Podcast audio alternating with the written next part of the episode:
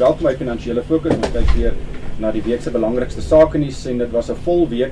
Ek het twee gaste uit Pretoria gesels, Antoinette Slabbert, sy's 'n senior verslaggewer by Rapport. Ehm um, goeienaand Antoinette. Goeienaand Ry. En saam met my in die ateljee hier in Johannesburg, Theo Forster. Hy is van Galileo Capital. Goeienaand Theo. Goeienaand Ry, goeienaand Antoinette. Antoinette, ek wil begin by die Suid-Afrikaanse Lugdiens. Ons het nou hierdie week gelees en gehoor dat uh, daar is nog steeds groot geldprobleme. Hulle dringend 2 miljard rand nodig wat die regering verlede jaar aan hulle beloof het. Hulle het dit nog nie gekry nie en, en hier laatmiddag ryk uh, Pravin Gordhan uh, se departement van uh, openbare ondernemings 'n baie interessante verklaring uit waarin hulle sê die geld is nog nie oorbetaal nie maar vra dat alle rolspelers insluitende verskaffers, werknemers en en en ander rolspelers ehm um, uh, moet uh, geduldig wees Wat maak jy van daai verklaring? Ja, ek moet sê Ryk, ek ek is verstom oor waar ons staan met Israel. Jy weet, toe die regering ehm um, op op die direksie van Israel eintlik besluit het seker maar onder leiding van die regering om Israel onder sake redding te plaas, het dit gepaard gegaan met 'n belofte dat daar 4 miljard rand se finansiering sou wees vir hierdie reddingsaksie. Nou wil ek by sê 'n mens moet mooi verstaan watter soort finansiering is is hierdie. Dit is nie net geld wat een of ander tyd kan kom nie. Dis 'n spesifieke soort finansiering wat in die maatskappywet omskryf is en wat vir daai finansier 'n voorkeur uitgee. As jy nie daai geld het nie, kan jy nie die redding doen nie. En van daai 4 miljard het die banke nou hulle 2 miljard gegee, maar die regering se sin is nie daar nie.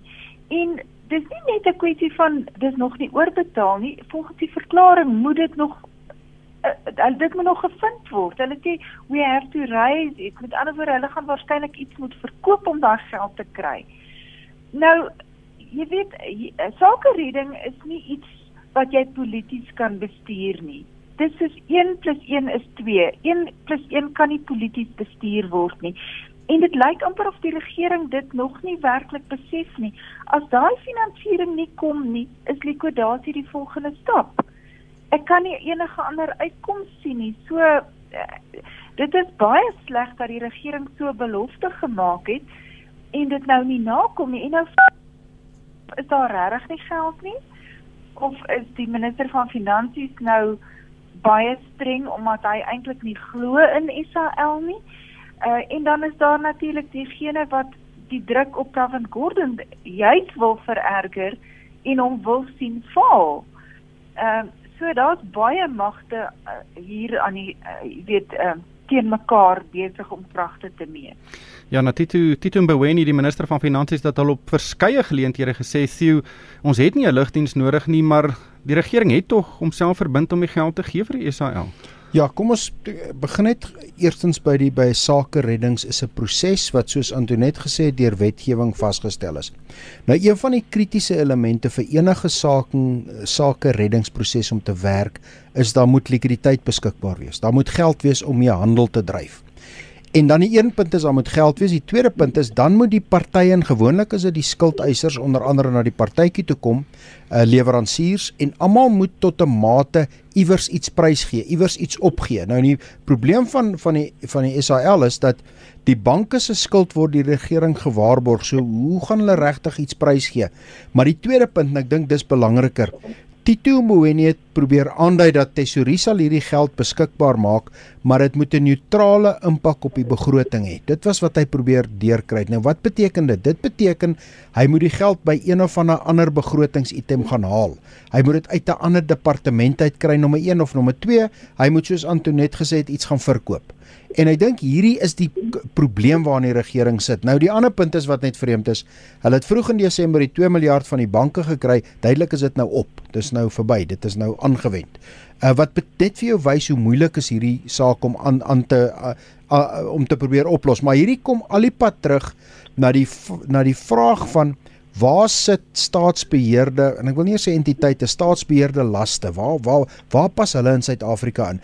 Beteken die feit dat die nasionale party 'n uh, instelling gehad het, die ANC moet hom aanhou. Is dit is dit die enigste definisie hoekom jy moet hê? Daar's iets soos 600 van die goed.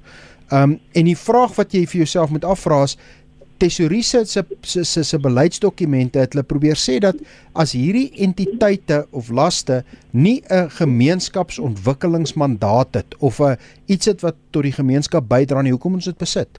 Nou daar is toevallig baie vreemde staatsbates in ander lande. Byvoorbeeld, ek weet nie of jy bewus is maar goed soos die ehm um, die Hofbraaiers en Moenie se staatsbeheerde entiteit. Ehm um, daar's sewe state in Amerika wat drankwinkels deur die al die drankwinkels deur die staat besit word. So staatsbeheerde entiteite kry oral, maar hier's 'n geval van Die staat as aandeelhouer wys hulle kan dit nie bestuur nie.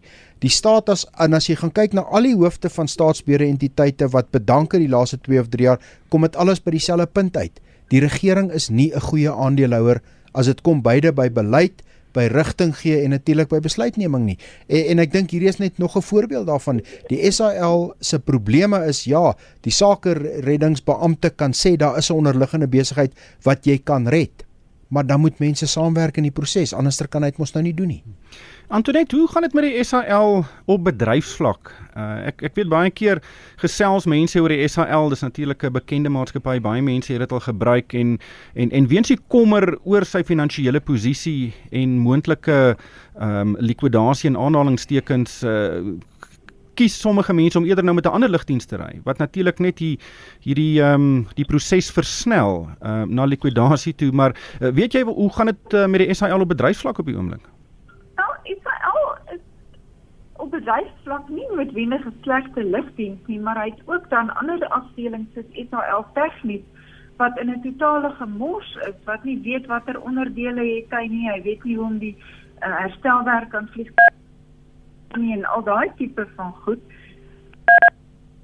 So soos jy sê, hoe meer hierdie dinge aan die lig kom, die die uh, probleme met die sake redding nou en so aan hoe moeiliker gaan dit raak op bedryfsvlak want mense gaan nie vooruit besprekings doen nie. Uh, ons het klaar gesien dat van die versekerings ehm uh, nie meer beskikbaar is uh, gekoppel aan hierdie uh, vliegkaartjies nie. So dit raak net al hoe moeiliker om hierdie om die Nou, en jy gaan nou dat daar voor so sien. Antoinette, kan jy raai foon so bietjie verder van jou mond af hou? Ons het so 'n steurnis wat ons deurkry. Ehm, um, Theo, kom ons gesels bietjie oor die rentekoersverlaging wat ons hierdie week gesien het. En dit was eintlik baie interessant. Uh meeste ekonome en ek dink 9 uit 10 ekonome in Suid-Afrika het verwag dat die bank die Reserwebank rentekoerse onveranderd sou laat. En toe sit amper 'n verrassing toe die rentekoers gesny is en natuurlik is dit nou goed vir die ekonomie. Dis nou nie so groot ehm um, uh, sny gewees nie, is net 25 basispunte. Ehm um, maar wat verrassend was is dat dit lyk asof hier die boodskap wat die Reserwebank uitstuur bietjie begin vervaag. Dis nie meer so voorspelbaar as wat dit 'n jare wat gelede was nie. Hoe, hoe sien jy dit? Ja, ek dink dit het selfs begin so amper 2 jaar gelede toe hulle rentekoerse 1 November opgeskuif het wat net so groot verrassing was. Ehm um, dit was dit was in 2017. Ehm um, ek dink die vertrekpunt is hier's 'n paar nuansveranderinge wat plaasvind. Nommer 1 Die Reserwebank se mandaat is om inflasie tussen 3 en 6% te bestuur en hulle begin al meer aandui dat hulle eintlik mik vir 4.5% tussen daai twee syfers. Dis die een punt. Die tweede punt is ons is nou gemaklik onder dit. Ons ons, ons sal vir 'n ruk onder daai middelpunt. En nommer 2, die vooruitskatting wys dat ons waarskynlik hierdie hele jaar hierdie hele jaar onder daai middelpunt ook gaan wees. So ons is onder die middelpunt en aan die onderkant van die Reserwebank se band. Maar wat die Reserwebank nog steeds konstant sê is as gevolg van die onsekerheid oor die fiskale posisie, die onsekerheid oor onder andere ons gradering, die onsekerheid oor maatskappybeleid beleid, vat hulle 'n baie meer konservatiewe siening.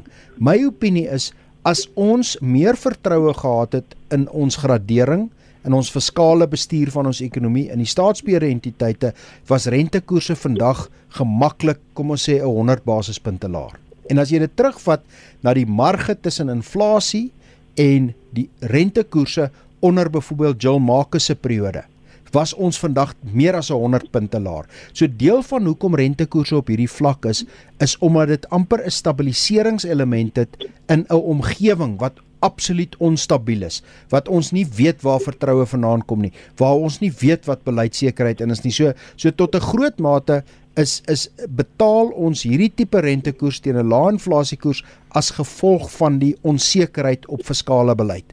Ehm uh, maar ja, ek dink die die die die mark was die die vooruitskattinge was verkeerd, maar die ander kant van die saak is toe dit nou gebeur het Dit het almal eintlik ingestem dat dit is dit, dit ons hoort lae rentekoerse te hê en ek meen as 'n mens lees na wat die Reserwebank sê, dan is daar ten minste nog 'n 25 basispunt verlaging in die tweede helfte van die jaar mits hier nie iets baie snaaks gebeur met fiskale beleid en gradering in die klas van goed wat heeltemal wisselvalligheid terugbring nie.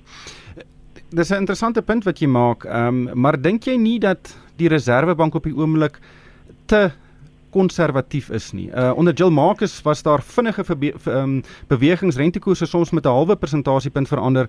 Uh onder Lesetja Kanyago uh, natuurlik word inflasie uitstekend bestuur, maar dink jy nie hulle is dalk 'n bietjie net te ehm um, te te konservatief nie. Verseker is dit te konservatief, maar die rede daaroor is die fiskale beleidkant die gebrek aan beleggingsnood, die probleme wat die res van die ekonomie in is. Iewers moet jy stabiliteit kry. Iewers moet jy iets voorspelbaar en konservatief bestuur. As dit nie daarvoor was nie, is ek seker dat hierdie beleidskomitee sou ook meer aggressief gewees het. Vandaar my punt dat as ons beter bestuur was op fiskale kant, was ons waarskynlik 'n persentasiepunt laer op rentekoerse. Antoinette, kom ons gesels oor Eskom. Eskom en die energiereguleerder Nersa was hierdie week in die hof Eskom het vir Nersa hof toe gesleep. Hulle sê ehm um, dat Nersa gee nie vir uh, Eskom die tariefverhogings wat dit nodig het nie. Ehm um, hulle sê ook dat Nersa weet nie verstaan nie heeltemal die binnewerking van Eskom. Hulle is eintlik baie snydig en soms beledigend in die hofstukke gewees en hulle soek uh, reuse tariefverhogings. Uh, wat wat is die situasie daar? Dink jy dit gaan materialiseer? Ehm um, Ryk die regter Jody Collins het hierdie saak aangehoor en uh, ek moet sê ek was verras met sy begrip van die hele kwessie want dit dis maar 'n ingewikkelde en tegniese ding. En jy kon sien hy het definitief die, die hoofstukke behoorlik gelees en die wetgewing en die metodologie en alles wat daar sake is goed onder die knie gehad. Wat my bekommer of of wat ja ek kan maar sê wat my bekommer hieroor is dat um, as regter Collins vir Eskom gelyk gee dan gaan dit beteken dat Nersa baie minder magte het as as so 'n presedent geskep word om die verbruiker te beskerm. Op die oomblik beskou Nersa sy magte as redelik wyd. Uh hy pas basies 'n formule toe om vir Eskom sy sy koste, maar dit moet darm nou nie vermorsing insluit nie, die koste plus 'n redelike wins of opbrengs uh, te gee uit tariewe. Maar dan voel die reguleerder ook dat hy nog altyd die belange van Eskom, die ekonomie en die verbruiker moet balanseer en op grond daarvan het hy dan die tariewe wat Eskom eintlik sou argumenteer hy opgeregtig is verder afgebring.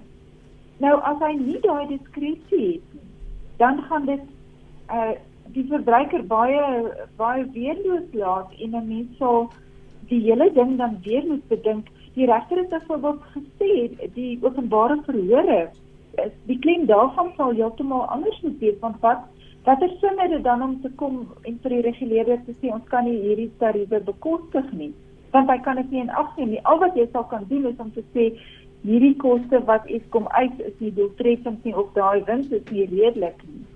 Ehm um, so dit gaan definitief 'n waterskeiding saak of uitspraak wees en ons verwag dit waarskynlik teen middel Februarie.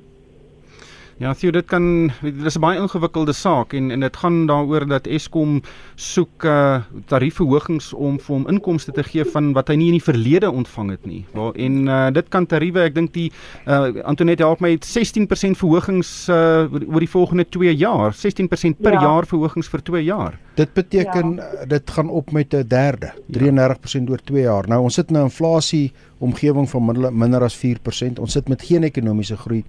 Die die die groot probleem hiermee en hoekom dit so vir vir die energieverbruiker of die die die die die die burgery so moeilik is is as jy gaan kyk na Eskom die afgelope klompie jaar dan is daar geen manier wat jy kan sê Eskom met kostes of projekte oordentlik bestuur.